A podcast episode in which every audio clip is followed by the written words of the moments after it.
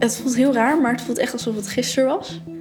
Het voelt al die tijd, al die, ja, al die drie jaar die ertussen zat, alsof die gewoon voorbij zijn gevlogen. En ik voel me eigenlijk nog steeds gewoon nog die 16-jarige die daar eh, in de eerste lockdown zit, zeg maar. Dus dat is een beetje een gek gevoel. Ik heb gewoon een beetje het, besef van tijd is na corona gewoon zo anders geworden. Ja, zo eh, kijk ik er eigenlijk naar. De wereld neemt maatregelen tegen corona. In Nederland de eerste besmetting met het coronavirus. Er is een tweede geval van coronabesmetting in Nederland. Sinds gisteren zijn er opnieuw acht Nederlanders overleden aan de gevolgen van het coronavirus. En dat betekent dat er steeds sneller meer mensen besmet worden en ziek zullen worden. Het totaal staat nu op 1135. COVID-19 can be characterized as a pandemic. Er zeker 6000 besmettingen zijn. Europa geldt als het nieuwe epicentrum. Het virus verspreidt zich razendsnel. Een crisis van ongekende omvang met maatregelen die niet horen bij een land in vredestijd. Afstand houden, binnenblijven. Outbreak Management Team. Alle scholen per direct Je dicht. laptop openen en college volgen op je studentenkamer. En alle sociale contacten zoveel mogelijk vermijden. Coronavirus kunnen wij niet stoppen. Het eenzaamheidsvirus wel. En dat kan de maatschappij ontwrichten. Overal in Nederland komen nu initiatieven van de grond. Niet dichter dan anderhalve meter. Verwachte toename van het aantal We moeten niet IC-patiënten. allemaal tegelijkertijd besmet Van raken. enorme omvang. Patiënten die daar soms weken tot maanden op wachten. Noodkreet van de Nederlandse Federatie van Specialisten. will have to learn to live with the virus. Het testproces bestaat uit vier stappen. De ontwikkeling van een vaccin tegen COVID. Via een app waarin een QR-code wordt gescand. Er zijn zelfs scheid aan coronafeestjes. de Leidse van der Werfpark werd de anderhalve meter regel niet nageleefd. Eén op de vijf jongeren dacht er zelfs over na om een einde te maken. We het have to protect each other if we want to protect ourselves. Gebeurt dit echt? Hoe ernstig de situatie is waarin we zitten, dat dit ook niet over een paar weken eh, weer weg is, dat het lang gaat Zo, duren. niet zomaar Iedereen voorbij. Drie jaar geleden stond de wereld op pauze. Op de voetbalvelden werd niet meer gelopen. In de theaters werd niet meer gespeeld. In de restaurants werd niet meer gegeten. De klaslokalen, terreinen en musea waren leeg. Op de pleinen was het oorverdovend stil. Er werden boodschappen gedaan voor de buren, geklapt voor de zorg en halsreikend uitgekeken naar straks, als het weer kan. Corona had ons allemaal in de greep. Hoe beleefden wij deze tijd? Stadsgezelschap PS Theater blikt met tien leidenaren terug op de periode die voor iedereen onverwacht kwam en ons leven compleet veranderde. Ik ben Amina Nias, ik ben 19 jaar oud, ik woon in Leiden. Ik ben nu student communicatie aan de Hogeschool Leiden en ik ben studentassistent bij hogeschool. Ik zat in mijn examenjaar destijds. We gingen net de examens in, maar mochten ze niet op school maken. Dus alle lessen waren online via Classroom. En de examens vervielen eigenlijk. Volgens mij heb ik alleen een wiskunde examen gemaakt of een economie-examen en toen heb ik een diploma gekregen. Dus ik denk dat dat ook nog raarder voelde, omdat ik nooit echt de examenstress of de examenperiode heb meegekregen. Dus iedereen heeft het altijd, oh, examens komen eraan, zo spannend. En ik zit er, ja, ik heb een coronadiploma, dus... Destijds vond ik het heerlijk. Want ik dacht, nou, helemaal geen examenstress, prima.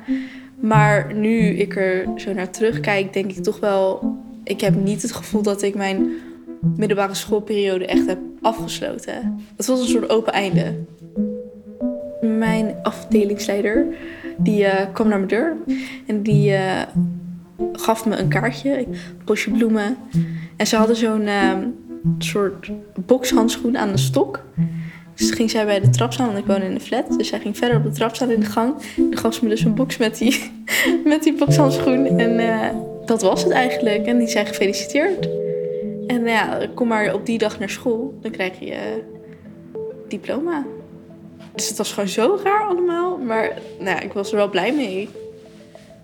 De laatste corona-lockdown die voelt voor veel mensen waarschijnlijk alweer als een hele tijd geleden. Maar veel jongeren zullen er nog wel eens aan terugdenken. Want bijna de helft van hen kreeg van die laatste lockdown een behoorlijke knauw. Ze kregen last van psychische problemen. En één op de vijf jongeren dacht er zelfs over na om een einde te maken aan het leven. Dat blijkt uit nieuw groot onderzoek van onder meer het RIVM en de GGD's. Sowieso zat ik in dat jaar mentaal er niet zo lekker in. Corona deed het ook niet echt. Maakte het niet beter. Dus ik had nog minder contact dan ik eigenlijk normaal zou hebben met vrienden. Het was gewoon altijd hetzelfde. Altijd gewoon. Ik werd wakker in mijn bed. Ik volgde mijn lessen in mijn bed. Je ging aan het werk en je kon niet naar buiten natuurlijk.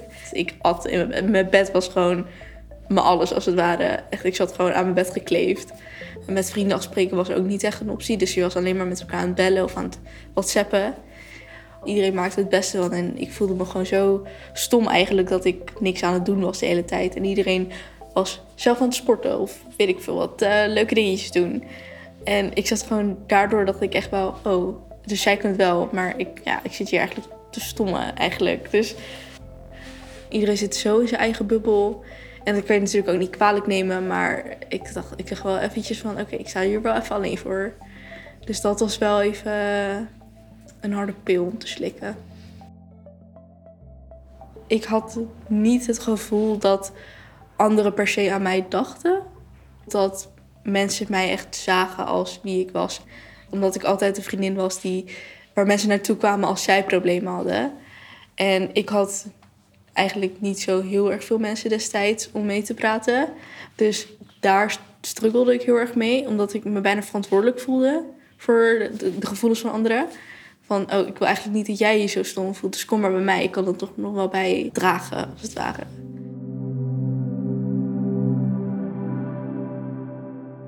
Ik was wel echt eenzaam. En ik dacht wel echt soms, oké, ik ben er echt klaar mee. Ik ga niks meer doen. Bij ons is natuurlijk, je kan geen zelfmoord plegen. Dus dat was ook geen optie voor mij. Dus ik voelde me echt zo, ik voelde me heel erg vast in, op één punt. En ik wist niet hoe ik eruit moest. Hoe ik, er, ik kon niet naar voren, ik kon niet opzij, ik kon niet naar achter. Dus het was gewoon zo lastig.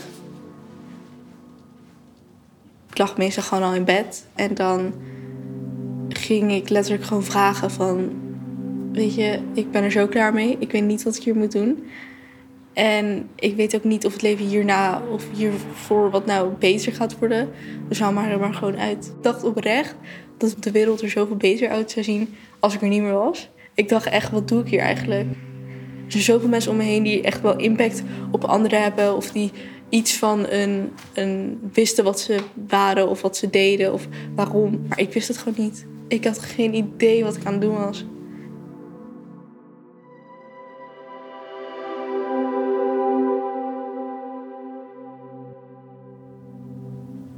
Eenzaamheid en depressie is een soort van een taboe bij buitenlandse culturen. De meeste eigenlijk die ik ken. Was voor mij ook niet echt een optie of zo met mijn ouders te gaan praten. Niet dat ze dat ooit direct hebben gezegd, maar ik maakte zelf die invulling. Ik dacht, ja, dat ga ik toch niet zeggen. Dat vind ik echt. Mijn ouders doen zoveel voor mij en dan kom ik zeuren dat ik me niet lekker in mijn vel zit. Of, dus ik vond dat ook niet toepasselijk in die tijd. Oh, je bent jongere, waarom voel je je nou zo alleen? Weet je wel? Dus dat je zit de hele tijd in je kamer of in je huis. Dus het is eigenlijk helemaal niet raar dat je je alleen voelt mocht je ergens mee zitten, die en die personen, daar kun je mee in gesprek. Ik denk dat dat heel erg had kunnen helpen. En gewoon ook zeggen van, um, het is allemaal vrijwillig, dus voel je vooral niet verplicht. Maar ik had dat niet destijds. Tenminste, ik kan niet herinneren dat we dat hadden, een, een soort vertrouwenspersoon. Maar dat zou zeker een goede optie kunnen zijn. Dus ik denk dat dat wat meer nadruk op gelegd had kunnen worden. vorig jaar in ieder geval, tijdens de Ramadan. Toen uh, ben ik elke dag naar de moskee gegaan met een groep meiden die ik daar heb ontmoet. En omdat we steeds met elkaar, nadat we gingen eten, dan uh, liepen we met z'n allen naar de moskee toe. Uh, gingen we gewoon bidden en toen kwamen we weer terug. En het was gewoon zo het gevoel van een soort community als het ware. En je had gewoon mensen die je kende. En het was elke avond weer gewoon gezellig. En je mocht weer naar buiten natuurlijk. Je kon überhaupt weer naar de moskee. Dus dat was gewoon zo fijn. En ik denk dat ik daar echt heel erg in ben gegroeid. Ik ging meer letten op wat er om me heen gebeurde. In plaats van wat er in mezelf, zeg maar, gebeurde, als het ware. De ruzie die ik had met mezelf eigenlijk. Ging ik meer kijken naar het grotere plaatje. En toen dacht ik eigenlijk, ja, ik kan wel heel leuk op mezelf lopen piekeren. Maar dat gaat ook niet helpen. En toen ging ik er zo anders naar kijken. En op een gegeven moment zat ik er zo lekker in dat mijn problemen zelf ook verdwenen eigenlijk.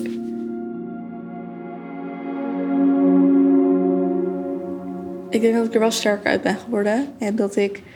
Dat is ook een van de redenen waarom ik nog psychologie wil studeren.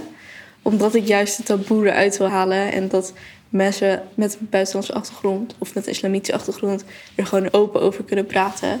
Omdat ik dat zelf heel erg miste, wil ik dat nu juist weer terugbrengen in de wereld. Dus dat is de ultieme droom.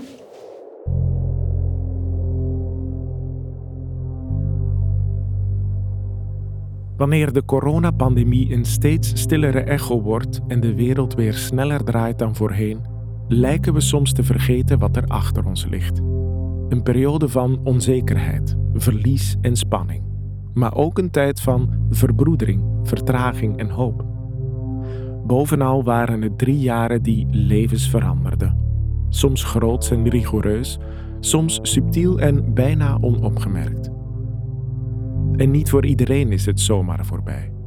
Sommigen hebben nog elke dag te maken met de gevolgen van deze periode. Wat hebben we nodig om diegenen die achterop zijn geraakt te helpen?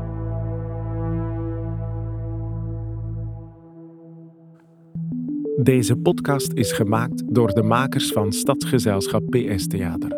Thijs Huis, Julia Smits en Pepijn Smit. In samenwerking met de gemeente Leiden.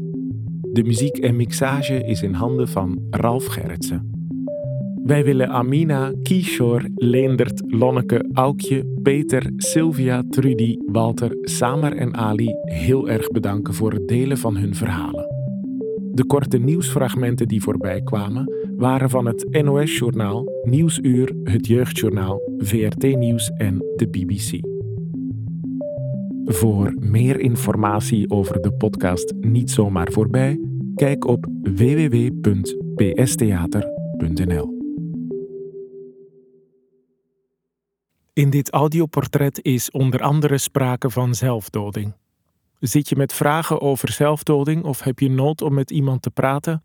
Dan kan je 24 uur per dag contact opnemen met 113 zelfmoordpreventie via 0800 113 of chat via 113.nl.